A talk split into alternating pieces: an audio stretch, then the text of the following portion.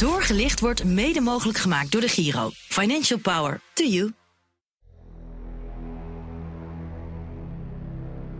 Guys, uh, two to one advancing to declining stocks. Breadth of the market is terrific. Tech up, healthcare up, consumer discretionary up. Uh, that's what you want. Arme PostNL-beleggers. Ze werden vandaag zo'n eh, 15% armer ruim. These are China stocks. They've had a nice little rally in the last week or so. Large so. stock sell-offs and dip buying continue to swing the market as well. How the heck can I say I like a bunch of stocks yet don't want to buy them?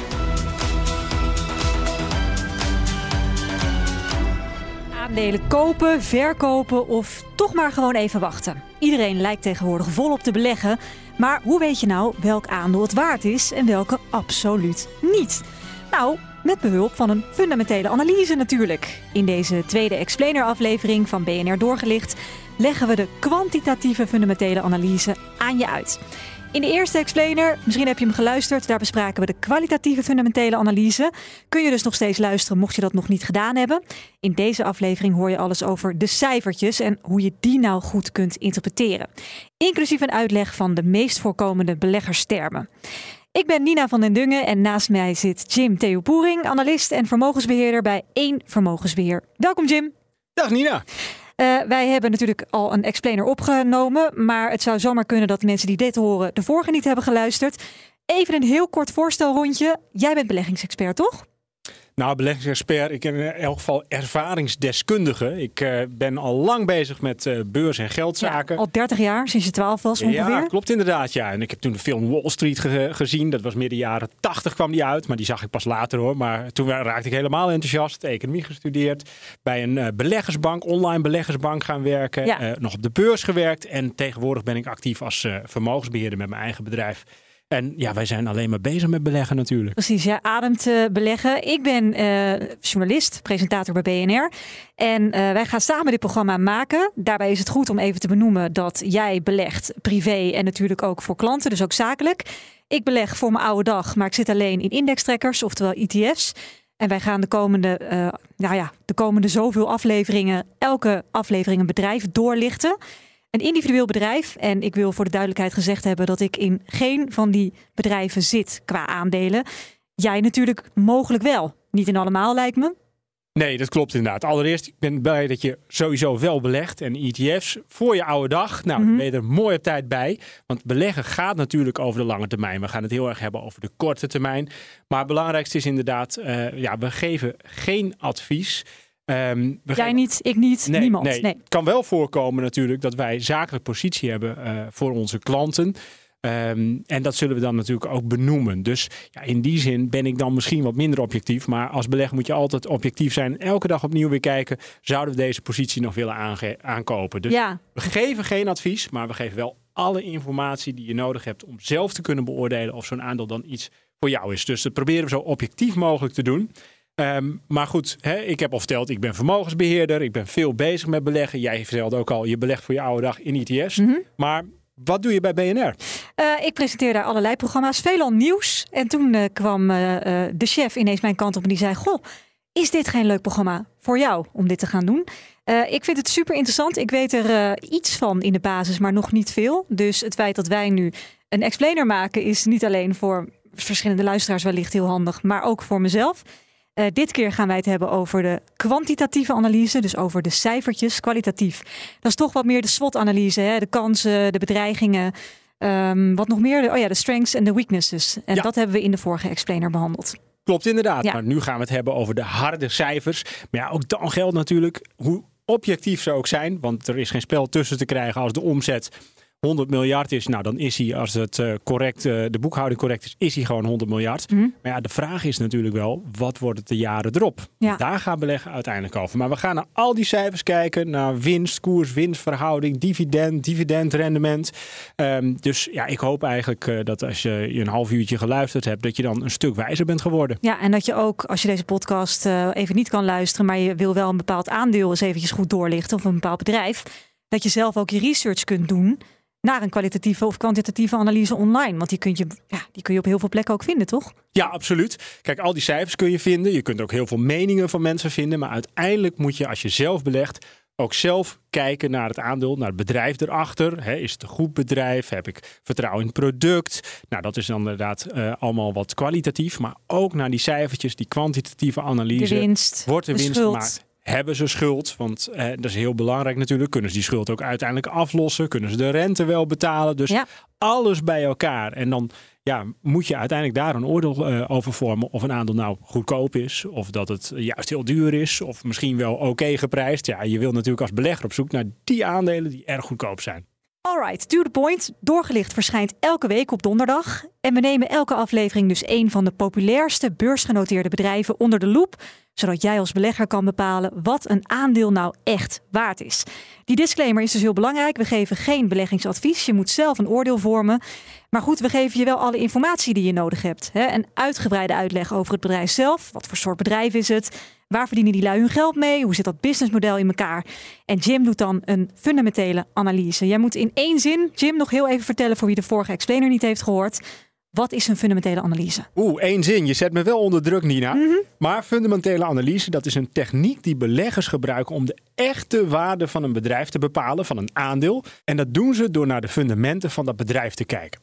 Nou, zo kom je erachter of een aandeel van een bedrijf is ondergewaardeerd, overgewaardeerd of precies geprijsd. Waren wel twee zinnen, maar goed, Sorry. vooruit.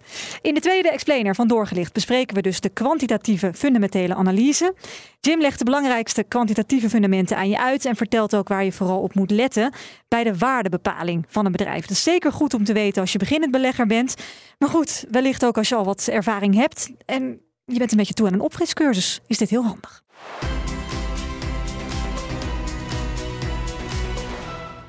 Jim, kwantitatief is dus cijfers. Ja, en dan krijgen we te maken met een enorme waslijst aan cijfers en kerngetallen. En heel veel bedrijven presenteren die elk kwartaal of elk half jaar. Ja, op basis van die getallen moet je natuurlijk weer eh, opnieuw je modelletjes gaan invullen. Ja, en er Maar- zijn er superveel van die termen en die, en die cijfers die we kunnen behandelen. Wij gaan de belangrijkste pakken. Ja. En zullen we die gewoon één voor één langslopen, dat jij precies kan uitleggen wat het is? Nou, dat lijkt me een goed idee. We hebben een aantal eh, eh, opgesteld, een lijstje gemaakt van de meest voorkomende, de meest behandelde, de belangrijkste zou je kunnen zeggen. En die gaan we dus ook in de komende weken iedere keer bij zo'n bedrijf eh, bespreken. Allemaal? Nou, niet allemaal, maar de, De belangrijkste. belangrijkste. Ja. Ja. Want soms heb je bijvoorbeeld voor banken dat bepaalde cijfers heel belangrijk zijn. Een andere keer heb je een bedrijf als Tesla, waar weer hele andere metrics, zo noemen ze ook wel, fundamentals, belangrijk zijn. Maar een van de belangrijkste dingen eh, waar we eh, als, als belegger naar kijken is bijvoorbeeld de market cap. Ja, wat is dat? Nou, de market cap is de marktwaarde in het Nederlands. En ja, dat is de totale waarde van het bedrijf op de beurs. Nou, Ja. hoe kom je er nou achter hoeveel zo'n bedrijf waard is? Dat is eigenlijk de aandelenkoers die neem je en die vermenigvuldig je met alle uitstaande aandelen. Hoe weet je nou hoeveel aandelen een bedrijf heeft uitstaan? Nou, dat kun je op verschillende plekken vinden. Eh, als je, je zou gewoon op Google kunnen intypen al eh, het bedrijf en dan shares outstanding. Je kunt het ook vinden bij Euronext bijvoorbeeld, als het genoteerd is aan de Amsterdamse beurs. Eh, je kunt het nou ja, vinden in bijvoorbeeld het platform van de Giro. Dus eigenlijk is het vrij makkelijk te achterhalen. Ja, je moet alleen wel het sommetje even maken. Je moet het sommetje maken, maar dat hoef je ook niet zelf te doen. Want vaak staat er gewoon al ook de market cap. En als je bijvoorbeeld een aandeel hebt dat 100 euro kost en er zijn 1 miljoen aandelen. Nou, dan is op dat moment de market cap, de marktwaarde, de marktkapitalisatie, zo noemen we het ook wel. Die is dan 100 euro maal 1 miljoen uitstaande aandelen. Dan is de market cap 100 miljoen. Ja. Heb jij enig idee, Jim, wat nu het bedrijf is met de hoogste marktwaarde ter wereld? Eh, ja, nou ja, dat varieert natuurlijk nogal, hè, want ze wisselen wel eens een beetje af. Maar eh, Apple, Microsoft en Saudi Aramco, dat zijn op dit moment de bedrijven die een market cap hebben van meer dan 2000 miljard. Dus dat zijn de grootste bedrijven ter wereld. Maar het is dus tech en nog steeds olie. Er zit nog een oliebedrijf bij, ja, Saudi Aramco. En die was eerder niet beursgenoteerd overigens. Nee. Maar nu weten we hoe groot dat bedrijf is. Ja, en vroeger waren het weer hele andere branches die de, grootste waren, toch? Ja, dat klopt inderdaad. Maar de afgelopen jaren is het wel echt eh, tech. We hebben bijvoorbeeld, eh, nou in 2023 was er op een gegeven moment Nvidia. Die ging ook door de duizend miljard Ja. heen. Ehm, dan hebben we nog eh, Google. Wat, eh, Alphabet, Mhm. Alphabet tegenwoordig, moet ik wel goed zeggen. Amazon. Ja, dat zijn echt allemaal eh de winnaars van dit moment. Ja, Maar dat, absoluut. dat, dat kan echt bij wijze van spreken van dag tot dag wisselen dat de een iets groter is dan de ander? Nou, kijk, uh, hè, van dag tot dag zou kunnen als ze heel dicht op elkaar zitten. Maar uh, Apple is nou al een tijd de grootste. de grootste. Maar het kan best zijn dat over één of twee jaar een bedrijf als Nvidia bijvoorbeeld dan ineens uh, de koppositie heeft overgenomen. Ja, ja. dat wisselt. Oké, okay, market cap is dus de marktwaarde van een bedrijf. Um, even de makkelijke. De omzet en de kosten en de winst. Ja, als je uh, als belegger of uh, analist naar een bedrijf kijkt, dan wil je eerst natuurlijk weten hoe gaat het met de omzet. En je hebt het liefst groeiende omzet. Nou, de eerste vraag die je eigenlijk moet stellen is: wat is omzet? Nou, die omzet, dat is eigenlijk de totale waarde, de verkoopwaarde van een bedrijf voor alle producten en diensten die ze in een periode geleverd hebben. Vaak wordt het op kwartaalbasis gerapporteerd. Uiteindelijk heb je natuurlijk een jaarverslag en dan gaat het over het hele jaar. Dus alles wat, wat ze verdiend is, hebben. Ja, klopt ja. inderdaad. En dan gaan er nog allemaal kosten af en dan ja. hou je de winst over, toch? Ja, je hebt eerst inderdaad de totale inkomsten, dat is die omzet. Nou, dan heb je de kosten. Um, en daar is altijd heel veel over te doen. Van ja, wat, wat zijn valt nou daar nou onder? kosten? Je kunt natuurlijk zeggen, ja, alle kosten, dat zijn gewoon kosten. Maar daar komen we zo dadelijk op. Want die kosten die kunnen ook wel een beetje uh, uh, ja, het resultaat beïnvloeden. Bijvoorbeeld van rente. Hè? Want ja, hè, dat, dat, dat kan natuurlijk behoorlijk variëren. Lage rente, hoge rente. Moet je dat nou echt nemen voor je operatie, meenemen voor je operatie of niet? Mhm. Mm -hmm. Maar in principe is het zo inderdaad, ja, alle kosten als je die hebt en die haal je af van die omzet, wat blijft er dan onder de streep over? Je winst. Nou, Helder. formeel zelfs je bruto winst. Want daar moet nog een beetje belasting over. Ja, maar als je belasting- die betaald hebt, dan heb je de winst. Inderdaad, want belasting gaat over winst. Hè? Dus Ja. belasting voor winst. En je hebt eigenlijk belasting na winst. Kan ik het zo zeggen? Ja, en dat is dus ook iets waar beleggers echt wel naar kijken, naar die belasting. Want ja, je hebt eh, eh, je verschillende belastingstelsels, dus dat heeft impact. Dus als je bedrijven met elkaar gaat vergelijken, terwijl de een 30% winstbelasting moet betalen en de ander 15%, ja, dan heeft dat uiteindelijk toch wel heel veel impact op de uiteindelijke netto winst. Mhm. Ehm, En dus, Dus- misschien ook op je dividend. En misschien ook wel inderdaad op het dividend. Dus dat gaan we uiteindelijk allemaal bespreken. Uh, maar de meest simpele vorm natuurlijk om eens te bepalen van nou, wat verdient zo'n bedrijf nou eigenlijk, is dus inderdaad te nemen de omzet, alles wat er verkocht wordt, de verkoopwaarde voor diensten en producten. Daarvan af gaan alle kosten, personeelskosten, je rentekosten, eh, je belastingen. En wat hou je dan over? Dat is je netto winst. Ja, maar inderdaad, je zegt al zo'n winstgetal, dat zegt niet alles. Hè? En om te weten wat die winst nou echt betekent voor een belegger, kan je de koers-winstverhouding gebruiken. Klopt dat? De koers-winstratio? Mm, ja, dat klopt inderdaad. Want eh, waar, waar het uiteindelijk natuurlijk om gaat, is van ja, wat kost zo'n aandeel nou? Nou, dan eventjes terug. Eh, we hebben eh, een aandeel en dat kost 100 euro. Nou, dan wordt er een winst gemaakt. Laten we eventjes zeggen dat er 5 miljoen euro winst gemaakt wordt. Mhm. En er waren 1 miljoen aandelen. Dan Ja. kun je dus berekenen wat is er nou per aandeel verdiend. Er is 5 miljoen netto winst, zijn 1 miljoen aandelen. Dan is de winst per aandeel die is 5 euro. Nou, nu wordt het echt interessant. Want ik had al gezegd, ja, dat aandeel, dat fictieve aandeel, dat kost 100 euro. Want 5 euro winst, dat zegt eigenlijk nog steeds niks. Nee. Maar je wil nu bepalen van ja, is 100 euro nou veel of weinig? Mhm. Dus dan zeggen we, we delen dat op elkaar. We hebben 100 euro voor het Betaald aandeel. voor het aandeel, ja. Exact. De winst per aandeel is 5 euro. 100 gedeeld door 5, dan is de koers-winstverhouding is op dat moment 20. Nou, Ja. wanneer wordt het natuurlijk interessant? Als die koers-winstverhouding lager is. Tenminste, hè, in de basis is dat interessanter. Want het zou ook kunnen zijn dat we eh, eh, een aandeel hebben van 50 euro. Wat ook 5 euro per aandeel En dan is het maakt. 10. Dan is het 10. Mhm. Dus een lage koers-winstverhouding is een beetje simplistisch. Dat betekent eigenlijk dat het aandeel goedkoop is. Nou, je hebt ook aandelen met een koers-winstverhouding van 100. Dus dat zou in dit geval betekenen 5 euro winst. Maar je betaalt 500 euro voor datzelfde aandeel. Ja, En binnen één sector kun je dus op die manier heel goed bedrijven met elkaar vergelijken. Door te zeggen van hé, hey, dit bedrijf, daar betaal ik 10 keer de winst voor. En het andere bedrijf 20 keer de winst. Nou, dan is in de basis dat aandeel waar je 10 keer de winst voor koopt, eh, betaalt. Dus die KW, koers-winstverhouding van 10. Die is wat lager en in principe aantrekkelijker geprijsd. ja, maar zit er dan ook ergens een grens? Want jij zegt nu, eh, nou, eh, in het eerste voorbeeld was die 20 en in het tweede voorbeeld was die 10. Dan is die 10 is eigenlijk interessanter. Ja. Maar zit er ergens een soort eh, psychologische grens van, nou, als je boven de 50 zit, hè, dan is het eigenlijk wel te duur? Of is die grens er niet? Nou, die grens is er eigenlijk niet. Maar wat je wel zou kunnen zeggen, bijvoorbeeld bij de AIX, daar ligt de historische winst, koers-winstverhouding ligt zo rond de 15, 16. Dus je kunt eh, grosso modo zou je kunnen zeggen: hey, als nou de koers-winstverhouding van de AIX gemiddeld op 12 ligt, dan is de beurs blijkbaar aantrekkelijk geprijsd. Dus dat zou historisch gezien wel een goed moment kunnen zijn om aandelen te kopen. Ehm, maar ja, inderdaad, je hebt gelijk. Er zijn ook aandelen eh, waarbij de koers-winstverhouding 100 is.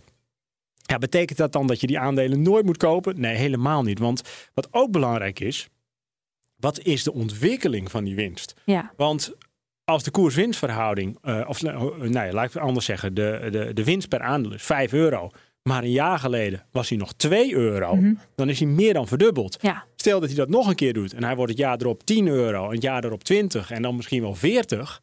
Dan gaat die koers-winstverhouding heel snel zakken. Exact, dan is die koers-winstverhouding van 100 wel gerechtvaardigd. Want dan is de verwachting dat de winst nog heel hard gaat oplopen. Dus je moet niet alleen kijken naar de actuele winst. Ook niet alleen naar de winst van vorig jaar. Naar de winst van de jaren ervoor. En eigenlijk ook naar de winstverwachting. Dus ja, je kunt niet zeggen koers-winstverhouding 15, dat is altijd goedkoop. Nee, je moet het in het totaalpakketje Ja, moet je hem exact. zien. Nou, maar je moet wel eh, kijken naar de koers-winstverhouding. Ja, oké. dus het is een belangrijk onderdeel. Ja. Eh, jij zei al winst per aandeel. Nou, laten we zeggen dat het 5 euro is. Dat krijg je niet direct handje contantje op je rekening. Meestal, toch? Meestal niet, nee. Want wat er vervolgens gebeurt, het eh, jaar is afgelopen. Nou, dan eh, komt er een aandeelhoudersvergadering. En dan zegt eh, het bestuur van het bedrijf tegen de aandeelhouders: wij doen jullie een dividendvoorstel. Dat Mhm. komt ook op de agenda. En het zou kunnen zijn dat er 5 euro is verdiend. En, Per eh, aandeel? Mhm. per aandeel. Ja, 5 miljoen in totaal. En dat, dat de bestuur dus tegen de aandeelhouders zegt van nou, we hebben 5 euro verdiend. En we denken eraan om de aandeelhouder een dividend. Dat is dus het winstdeel. Mhm. eh, het dividend klinkt een beetje Beloning. divide, hè, van eh, het Engelse verdelen. Ja. Ja, die winst moet verdeeld worden. Ja. En wat zegt het bestuur? We denken eraan om de aandeelhouders 3 euro te geven van die 5. Dus ze krijgen dan 3 euro aan dividend. Best ruim, toch? Ja, dat is een heel mooi eh, eh, di- dividend. 3 euro. Maar ook hier geldt weer. Ja, wat heb je nou voor die aandelen betaald? Want 3 euro op zich, ja, dat zegt niet zoveel. Nee, Dat is 3 veel euro op belangrijk. 100 euro is eh, niet zo heel veel. Nou, is 3 best, procent. best oké. Nou, jij loopt er nog niet helemaal warm voor, Nee. eh, Nina, merk ik. Ik zat in crypto ooit. Hè? Ja, ja. Maar nou, dan krijg je helemaal geen dividend. Maar nee, maar dan pak je wel woekerwinsten als je op het goede moment verkoopt. Als je Uiteraard. op het goede moment verkoopt, ja. Want eh, daar houdt iedereen zich altijd aan vast. Eventjes terug naar dat dividend. Stel het aandeel kostte 100 euro en je krijgt 3 euro dividend. Dan zeggen we het dividendrendement is 3 Nou, Hmm. Die 3% dat is een keurig percentage. Het hangt er natuurlijk ook weer een beetje vanaf wat is de rente op een spaarrekening.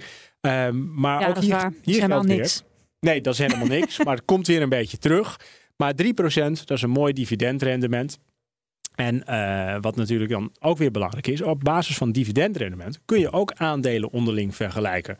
Want er zal ook een bedrijf zijn dat 3 euro dividendrendement geeft, maar het aandeel kost 50. Nou, dan hebben we ineens 6 Ja. Misschien is dat wat meer voor jou dan. Nou ja, geen idee. Hoe meer, hoe beter zou je altijd zeggen. Maar dat is Ja. volgens mij wat elke belegger hoopt, toch? Nou, dat is niet helemaal waar. eh, hoe meer, hoe beter. Want er zijn ook bedrijven die keren helemaal geen dividend uit. Die maken wel degelijk die 5 euro winst. En die investeren het de hele tijd om maar te groeien en te groeien Exact. en te groeien. Exact. En dat is echt handig voor de lange termijn natuurlijk, als je ergens voor de lange termijn in zit. Eh, ja, en dan vooral als je de visie hebt dat dat geld goed wordt geïnvesteerd en dat het jaar erop meer omzet wordt gehaald en dat je dan dus inderdaad niet 5 euro winst hebt, maar misschien wel 6, 7, 8 of 10 euro winst. Mhm. Dus dan zit je meer in een groeibedrijf. Ja, en is dit dan eigenlijk wat je nu doet? Is dat een, eh, het, het oordeel vellen met het dividendrendement? Is dat dan wat je nu aan het doen bent? Ja, dat is een manier om inderdaad op, eh, op eh, kwantitatieve basis een aandeel en de prijs te beoordelen. Door te kijken van nou, hoeveel rendement krijg ik nou aan dividend als belegger uiteindelijk terug. Want laten we wel wezen, heel veel beleggers die kijken altijd maar naar koersen. Maar wat ik nog niet heb verteld, is dat het grootste deel van het uiteindelijke resultaat wordt bepaald door het dividend. Dus ongeveer 57% wijzen eh, studies uit. Dus iets meer wordt bepaald van het resultaat door dividend. En iets minder door de koerswinst. Ja. Het resultaat van het bedrijf. Nee, het resultaat van de belegger. Oh, van de belegger? Ja, Ah, dus heel ja. veel mensen denken, ik koop een aandeel voor 100, dan ga ik het weer verkopen voor 120 en dan heb ik lekker 20% winst. Ja. Wat blijkt, als je ergens 10 jaar in zit, dat de component die je aan dividend hebt ontvangen, iedere keer maar weer die 3 en op een gegeven moment 3,50, 4 euro, dat dat minstens zo'n grote impact heeft als de stijging van het aandeel zelf. Hoezo? Dat moet je uitleggen. Nou, ehm, laat ik het anders zeggen. Je koopt nu een aandeel voor 100. eh, en je verkoopt het over vijf jaar voor 120, dan heb je 20% koerswinst gemaakt. Mhm. Wat kan zijn dat in die vijf jaar, dat je na jaar 1 3 euro hebt gehad, na jaar 2 4 euro, 5 euro, 6 En dat euro. wordt direct uitgekeerd hè, op mijn rekening. Exact. Mhm. Dat krijg je eh, na de ex-dividenddatum, komt op een gegeven moment een betaaldatum. En dat je in diezelfde periode dus wel meer dan 20 euro eh, aan dividend hebt gehad, waardoor Ja. het totaal op ruim 40 uitkomt. Ja. Dus het dividend moet je niet onderschatten. En laten we wel wezen, uiteindelijk beleg je natuurlijk in een aandeel omdat je in een bedrijf wilt zitten dat winst maakt. Ja. En daarvan wil je mee profiteren. Nee, precies, want dat had je al gezegd. En niet alle winst wordt uitgekeerd als dividend. Althans, dat hoeft niet. Ja. Hoe kom je er nou achter hoeveel winst er wordt uitgekeerd? Nou, daarvoor kijken eh, beleggers naar de payout ratio. Ah, een term die we weer even Exact. moeten Ja, onthouden. dat is een Ja. belangrijke term. Hoeveel procent van de winst wordt nu uitgekeerd als dividend? Nou, in dit voorbeeld hadden we een aandeel 5 euro winst en 3% kregen de beleggers als dividend. Dat is een payout ratio van 60%. Hm, Ja, er zijn ook bedrijven die zeggen we maken 5 euro winst en we keren 5 euro uit. 100%. Eigenlijk is, ja, Ja. dat is eigenlijk een slecht signaal. Want dat betekent dat ze geen groeimogelijkheden meer zien. Hm. Dus het lijkt mooi. En waarschijnlijk gaat alleen die koers niks meer doen. Dus eh, als je nu zegt van ja, wat is nou een goede payout ratio? Eh 40 tot 60 procent, dat is voor een stabiele onderneming eh, een mooi percentage om uit te keren aan beleggers. En heel veel bedrijven die geven dus ook vaak een dividenddoelstelling af. Dat ze zeggen van nou, wij willen gewoon proberen om bijvoorbeeld 50 procent van de winst altijd maar weer terug te geven aan die belegger. En die belegger op die manier te belonen en tevreden te houden. En als je bijvoorbeeld even kijkt, eh, het is alweer een tijdje terug, maar eh, de energiecrisis. Ehm, toen hebben de oliebedrijven heel veel geld verdiend. Ja. Je zou bijna kunnen zeggen van nou, op dat moment hebben ze zoveel geld verdiend. Dat zij dus alle aandeelhouders een extraatje geven. En dat ze zeggen van nou, we gaan dus voor een jaartje eens even flink hoger zitten qua dividend. Zijn dat dingen die ook gebeuren? Absoluut, want je noemt al energiebedrijven. Eh, ik wil hem nog even verder trekken met bijvoorbeeld Shell. Die heeft inderdaad in eh, 2022 een recordwinst geboekt en beleggers ook beloond met extra dividend. Maar het werkt ook de andere kant op. Want Shell in 2020, eh, we weten het allemaal nog wel, corona, we vlogen niet meer, we reden niet meer. En we dachten dus ook dat niemand ooit nog meer zou gaan tanken. De olieprijs ging toen eventjes onder nul. Het was een desastreus jaar voor Shell. En die hebben dus toen ook moeten zeggen: ja, wij schrappen voor dit jaar het dividend. We keren helemaal geen dividend uit, want Ja. ja, we zien de toekomst ontzettend somber in. Nou, het geeft ook aan dat op de beurs kan het snel draaien. Ja. Nog even terug naar het winstgetal. Want als je een kwartaal of een jaarverslag open doet, dan kom je eigenlijk steeds een andere term tegen. Ik raak er altijd een beetje van in de war. Niet winst, maar EBITDA of zelfs EBITDA. Ja. Met de D of zonder de D. Zit Ja. daar een verschil tussen? Ja, en ook nog zonder de A. Eh, je hebt ook nog de oké. EBIT. Mhm. Ja, en dat, dat is eigenlijk een betrouwbaarder getal. eh, want dat geeft het operationeel resultaat weer. Dus het is een, ja, een niet vervuild winstgetal. Dat klinkt een beetje gek, maar Ja. winst kun je heel erg beïnvloeden. Ik zeg wel eens, ja, niets is zo eh, onbetrouwbaar als de winst van een bedrijf. Nou, dat klinkt wel heel extreem. Maar je kunt bijvoorbeeld ervoor kiezen om versneld af te schrijven. En dat drukt dan je winst. Maar als je kijkt naar het operationeel, naar de resultaten, EBIT of de EBITDA. Ehm, dan heb je de echte operatie van het bedrijf te pakken. Dus wat wordt er verdiend met de hoofdactiviteit van het bedrijf? Nou, misschien is het interessant om te weten wat betekent dat nou, dat EBITDA. Dat is dan earnings before interest and taxes. Nou, Ja. laten we daar even mee beginnen. Mhm. Dus je verdiensten voordat er rentebetalingen en belastingen eh, zijn betaald. Mhm. En daar hadden we het net ook al eventjes over. Als je een bedrijf hebt met hele hoge schuld bijvoorbeeld en een nou ja, wat hogere rente, dan heeft die rentecomponent heel veel impact op het resultaat. Maar het zegt niet zoveel over wat je verdient met de operatie. Hetzelfde geldt voor die belastingen. Kan een keer een belastingmeevaller zijn. Nou, dan hebben we ook nog depreciation en nou, amortization. En eh, ja, dat gaat eh, over afschrijvingen en afboekingen. Ja. Nou, daarvoor geldt ook als jij bijvoorbeeld een eh, eh, machines hebt of gebouwen, die schrijf je eh, ja, op worden minder waard, althans, of je moet heel veel onderhoud op plegen. ja, Je, je hebt een investering eerst. Ja. Je koopt een, laten we even zeggen, je, je koopt een pand voor 10 miljoen. Nou, die 10 miljoen, dat is geld wat in één keer weg is. Ja. Maar boekhoudkundig ga je natuurlijk niet zeggen van ja, dit waren kosten keer, van 10 nee, miljoen. dat schrijf je af over meerdere Ja. jaren. Exact. Dus het geld is weg. Er is een cash out. Maar dat, dat In je boekjaar doe je dat weer. ja, als je dat andersom. Hij komt Ja. tig jaar terug. Als die machines in tien jaar worden afgeschreven, komen elke keer weer die afschrijvingen terug. Nou, wat wil je als belegger weten? Niet zozeer over wat is de impact van die afschrijving. Of ja, juist wel. Hè, je wil weten wat is de impact van die afschrijving. Daar heb je eigenlijk gewoon niks mee te maken. Je wil weten, er is een omzet van 1000. En wat waren nou de echte kosten voor het eh, Ja. realiseren van die omzet? Dus eh, eh, werknemers, hè, loon bijvoorbeeld. Ja, exact. En eh, dan kan het zijn dat daar bijvoorbeeld eh, onder de streep 400 overblijft. Nou, dat is een heel zuiver getal. En met dat zuivere getal, met die EBITDA, kun je veel beter vergelijken wat sectorgenoten doen. Ja, dus EBITDA is eigenlijk een hele goede om naar te kijken. Ja, absoluut. Dus het operationeel resultaat EBITDA. Ja, en er zijn nog meer manieren om te kijken hoe goed een bedrijf het doet, toch? Eh ja, zeker. Want als je dan doorborduurt op, eh, op die EBITDA, dan kun je natuurlijk zeggen van ja, wat is nou de operationele marge? Hoeveel blijft er onder de streep nou over eh, van, van, van die omzet? Want hè, er is 1000 euro omgezet en de kosten die waren 600, de operationele kosten. Oh, nou, dan is er een marge dus van 40%. Dat is je operationele winstmarge. Dus ja, dat is eigenlijk wel misschien het allerbelangrijkste getal om bedrijven goed met elkaar te kunnen vergelijken. Ja, en het duizelt me nu wel een beetje, want als ik dan een boekje opensla en je ziet winst, operationele marge, EBIT, EBITDA, EBITDA. Is er niet gewoon één manier om snel te zien hoeveel geld er nou eigenlijk op de balans staat bij een bedrijf, eh, wat echt overblijft aan het einde van een boekjaar? Jazeker, en daar kijken beleggers ook naar. Eh, die willen vooral weten, wat is nou de vrije kaststroom? Welk geld komt er echt uit dat bedrijf? Ehm, dus die vrije kaststroom, Vrij te die besteden vrij te besteden, Ja. terug te geven aan aandeelhouders... door bijvoorbeeld dividend uit te keren... en of investeren in nieuwe zaken. investeren in nieuwe zaken... of misschien zelfs wel aandelen terug te kopen. Dus die vrije kaststroom, Ja, dat geeft de daadwerkelijke eh, ja, capaciteit weer van een bedrijf... om geld te genereren. oké. Nou, Dus dat is een eh, belangrijke en waar je dan vervolgens eigenlijk naar kijkt. Als je weer hebt over waardering, want is een aandeel nou goedkoop of is het nou duur? Dan ga je kijken naar het vrije kaststroom rendement. Ja, Dus als er ergens 2 miljard vrije kaststroom is en eh, de marktwaarde, de market cap, eh, de marktkapitalisatie, die is 50 miljard. Nou, dan eh, moet je dat weer op elkaar delen. 2 miljard gedeeld door 50 miljard. Dan zeggen we, oké, de vrije kaststroom, die is dus 4%. En hoe hoger dat percentage, hoe meer je dus eigenlijk verdient op je aandelen. Oké, nou hebben we het gehad over allerlei manieren om de winst, de omzet en ook het rendement van een bedrijf dus te bepalen. De schulden hebben we nog niet besproken, want eigenlijk heeft elk bedrijf wel één of meerdere schulden.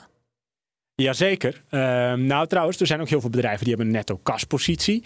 Ehm, Wat is dat? Nou, dat je dus geen schulden hebt, maar gewoon geld op de bank. Ja, maar dat zijn dan va- vaak al wat oudere bedrijven die al lang bijvoorbeeld, die alle schulden hebben afgelost. Nou, in de aan, vorige aflevering hadden we het over Adyen. Die heeft eh, bijna 5 miljard op de bank en geen schulden. Ja, Eh dus het kan wel. Ja, zeker. En sterker nog, het hangt er een beetje ook vanaf wat voor type belegger je bent. Kijk, een bedrijf met heel veel schuld, vreemd vermogen, zoals we dat noemen, geld van anderen zou je eigenlijk kunnen zeggen. Die kan misschien in staat zijn om heel snel te groeien. Want die hebben heel veel extra geld om investeringen te doen en daarmee groei te realiseren. Dus Ja. een offensieve belegger die zal geïnteresseerd zijn in bedrijven met veel schuld en veel groei. Ja, Iemand die wat voorzichtiger is, die zegt juist van nee, die bedrijven met die hoge stabiele schuld, bedrijven. ja, daar blijf Ja. ik liever weg. Ehm, ik, ik zit zelf ook altijd wat meer aan, in die hoek. De Ehm, zeefhoek. Ja, ik ben niet zo in die zin van, ik noem dat wel van ja, het, eh, onderne- eh, het tech-ondernemer zou je kunnen zeggen, waarmee je alleen maar gaat voor groei, meer klanten, meer omzet. En ja, dat mag blijkbaar dan wat kosten. Ehm, maar je komt wel in de problemen omdat je die schulden uiteindelijk moet aflossen. Of omdat je ineens te maken hebt met de rentelasten. En toen de rente nul was, was geld gratis. Ja, Maar als je ineens 4 of 5 of 6 of 10 procent rente moet gaan betalen over je schuldpositie, dan kan dat lastig worden. Dus je moet ook altijd kijken naar die schuldpositie. Mhm. Hoe hoog is die? En ja, dan is natuurlijk weer de vraag: is 100 miljoen schuld, is dat hoog? Is 10 Ja. miljard schuld hoog? hoe zet je dat inderdaad in, in perspectief van een bedrijf? Ja, dan gaat het dus eigenlijk om hoe groot is dat bedrijf. En vaak kijken we dan naar de schuldratio. Dus dan kijk je eigenlijk naar het eigen vermogen van een bedrijf. Versus Is dat die vrije kaststroom? Het eigen vermogen? Nee, het eigen vermogen, dat zijn eh, ja, de daadwerkelijk. Je hebt, nou wordt wel heel technisch, Ja, maar sorry je hoor. hebt eh, de balans, activa en passiva. Mhm. Nou, het kan zijn dat je een activa, dus ik noem het maar even plat, eh, spullen, gebouwen, geld, dat er eh 100 miljoen is. En dan heb je de passiva zijde van de balans. En dat is, ja, hoe is die 100 miljoen dan gefinancierd? Ja, ja. En als het dan blijkt dat er 20 miljoen Schuld is is. geleend, Mhm. schuld, dan is het dus 80 miljoen eigen vermogen. Nou, dan is de schuldratio eigenlijk best wel op orde. Ja. Want dan deel je dat op elkaar, kom je op 25 procent en dat is niet al te hoog. Maar ja, er zijn natuurlijk ook bedrijven eh, die eh, slaan daar een beetje in door. En dat is heel gevaarlijk als de rente oploopt of als de groei stagneert. Ja. Dat ga je dus ook heel snel terug dan zien in de koers. Ja, dus je moet het echt afzetten tegen het eigen vermogen. Hoeveel is er geleend? Eigenlijk in percentages, heel grofweg gezegd. Ja.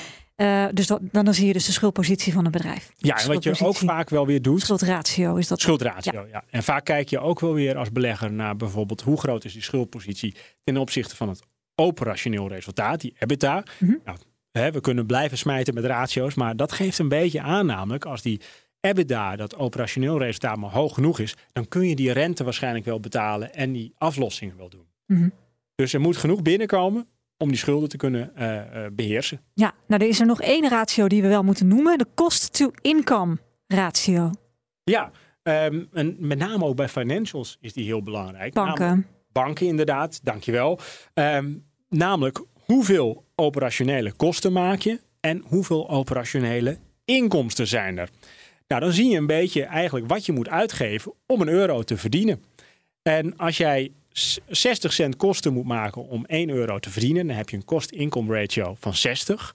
Nou, hè, afhankelijk van de branche is dat best, eh, best een mooie eh, ratio. Klinkt goed, toch? Ja. Exact. En dan moet je dus vervolgens als belegger ook kijken. hey, wat is de ontwikkeling daarvan? Moeten ze steeds meer kosten te maken om extra omzet te verdienen? Of juist lopen steeds minder. op? Ja. En, je wilt, en juist als je zegt minder, dan heb je een mooie operationele hefboom. Want dat betekent eigenlijk dat je met dezelfde kosten, of ietsje meer kosten, maar veel meer omzet kunt gaan draaien. Dus Ja. als je een dalende cost-income ratio hebt, dan heb je een bedrijf te pakken dat naar de toekomst toe heel veel winst kan genereren. Ja, nou zijn we bijna door ons lijstje heen met termen. Ik kan me voorstellen dat het de luisteraar ook echt duizelt. Maar ik vind het wel heel fijn, want je legt het wel heel goed uit. Dus dit is eh, precies waar die explainer voor is. Eh, een aantal van de eerder besproken fundamentals... die kunnen we gebruiken voor nog één belangrijk kengetal. Want als we de market cap, oftewel de marktwaarde... en de schuldpositie bij elkaar optellen... en daar de vrije kaststroom van aftrekken... dan krijg je eigenlijk de bedrijfswaarde, toch? Eh, nou, eigenlijk eh, heb je dat, de, de enterprise value doe je denk ik op. Dat is gewoon de market cap. Dus al die aandelen bij elkaar en hun koers. Plus de schuldpositie. Dus dat is het totale ondernemingsvermogen waar een bedrijf mee werkt. Dus als je een eh, market cap, hadden we net, bedrijf van eh 100 euro per aandeel, 1 miljoen aandelen, dan is het bedrijf 100 miljoen waard. Dat is de market cap. Als nou blijkt dat daar nog heel veel schuld bovenop zit, dan zou je als koper van het totale bedrijf veel meer geld moeten betalen om het echt te bezitten. Ja, Dus ze werken dan ook nog met vreemd vermogen. Nou, stel dat dit bedrijf dan 20 of 30 miljoen schuld heeft, dan zeggen we de enterprise value is 100 miljoen plus 20 miljoen, 120 miljoen. En dat is de enterprise value en die is nog wat scherper dan de market cap, want dat geeft weer wat voor geld er daadwerkelijk in het bedrijf, eh, of waar het bedrijf daadwerkelijk mee werkt. En een mooi bruggetje vervolgens is naar de enterprise value gedeeld door de EBITDA, de EV-EBITDA. Dat is eigenlijk een verbeterde koers-winstverhouding. Want dus aan het begin van de uitzending begonnen we met de koers-winstverhouding. Koers gedeeld door winst, 100 gedeeld door 5. Nou, KW 20. Dat eh, eh, leek eh, een, een mooie ratio en dat is het ook. Maar als je echt een paar stappen verder wilt als belegger, dan kijk je dus ook naar de EV-EBITDA. Want dan neem je de schuld er mee en het operationeel resultaat. En dan krijg je dus ook een getal uit. En als je bijvoorbeeld een bedrijf hebt dat vier of vijf keer EBITDA noteert, zo noemen we het dan, dan heb je eigenlijk alles meegenomen. Dus dan heb je alle ruis van de lijn gehaald en de schuldpositie meegenomen, de risico's beter meegenomen. Dus als je nou aan mij vraagt van ja, wat is beter, de koers-winstverhouding of de EV-EBITDA, dan is dat eigenlijk de EV-EBITDA. Ik wou net aan je vragen, waar, want we hebben zoveel dingen benoemd. Kijk jij naar al deze facetten? Of kijk je eigenlijk maar naar een paar basisdingen als je bepaalt wat voor aandeel je gaat kopen? Nou, wat vaak zo is, is dat je een eerste screening maakt. Je kunt bijvoorbeeld zeggen van ja, ik wil alleen kijken eh, naar bedrijven die een market cap hebben groter dan eh 25 miljard. Waarom? Omdat je dan meteen zegt van ik wil beleggen in de grotere bedrijven. Vervolgens zeg je misschien, ik vind het belangrijk om te beleggen in bedrijven eh, die dividend uitkeren. En ik wil minimaal 3% dividend hebben. En ik wil niet te veel betalen, dus ik wil ook niet meer dat, dat de KW maximaal 25 is. Waar stond de KW ook alweer voor? Koerswinstverhouding. Oh, koerswinstverhouding. Ja. Dankjewel dat je me scherp houdt. Ehm, en dan heb je al een eerste schifting gemaakt. Want er zijn tienduizenden aandelen die je natuurlijk kunt bekijken en Ja. analyseren. En ja, dan zie je geen aan. Nee, je ziet door de boom het bos niet meer. Dus het is goed om een eerste schifting te maken. Om eens te kijken van nou, ik wil alleen bedrijven met een wat grotere market cap bijvoorbeeld. eh, die niet te duur zijn. Want ik hou niet zo van die enorme groeibedrijven. Dat is puur persoon eh, afhankelijk. En ik wil een stukje beloning voor mijn investering. Dus ik wil wel dividend hebben. En dan heb je al een eerste schifting gemaakt. Nou, en daarna kun je verder gaan kijken van eh, qua cijfers. Hoe zit het nu met eh, de precieze EBITDA? Wat is de schuldpositie? Dus het is heel makkelijk om een eerste schifting te maken. Ja, goed. Dan waren dit alle termen die wij absoluut wilden behandelen in de Explainer. Die ga je dus ook eh, zeker niet allemaal elke aflevering, maar wel een paar basis, eh, eh, ja, een paar basistermen. Die gaan we toch wel heel vaak horen, denk ik, in doorgelicht. Er zijn nog veel meer fundamentals, maar wij houden het nu bij wat we in deze Explainer besproken hebben, toch? Ja, ik denk dat in een andere aflevering vast nog wel een keer iets uit, aan bod zou komen. Ja, dan ga je dat dan wel je maar uitleggen. het jasje als het eh, eh, te ingewikkeld is. Oké, nou, de getallen zelf die zijn op zich heel erg waardevol. Hè? We doen een kwantitatieve fundamentele analyse. Maar je kan ze ook gebruiken om echt een vergelijking direct met de concurrentie te trekken, toch? Ja, dat is sterker nog, dat is heel erg belangrijk. Want je kunt eh, ten opzichte van het aandeel zelf kijken, ja, is iets nu goedkoop of duur? Maar uiteindelijk wil je natuurlijk weten van, hé, hey, ik heb drie oliebedrijven. Welke, Welke van de drie? Het Ja. best gewaardeerd. Ik heb eh, een aantal food retailers of techbedrijven. Ja, hoe verhouden die zich tot elkaar? En dan moet je dus inderdaad dit soort getallen gebruiken om ze met elkaar te vergelijken.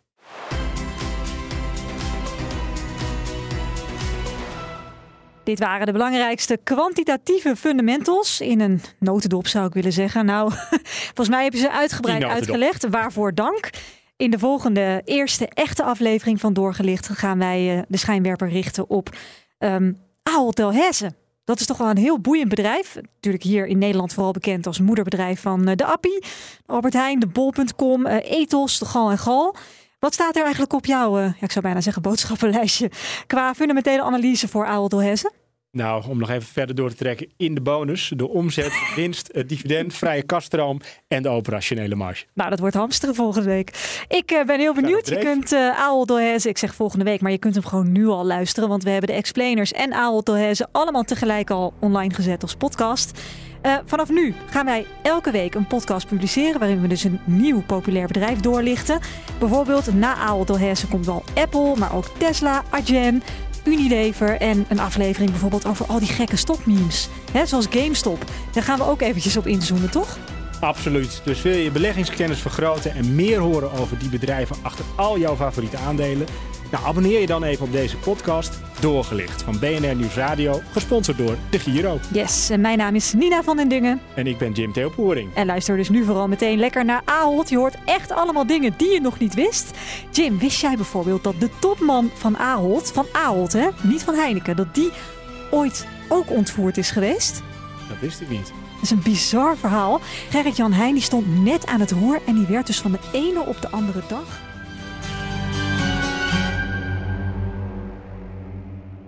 Doorgelicht wordt mede mogelijk gemaakt door de Giro. Financial Power to you.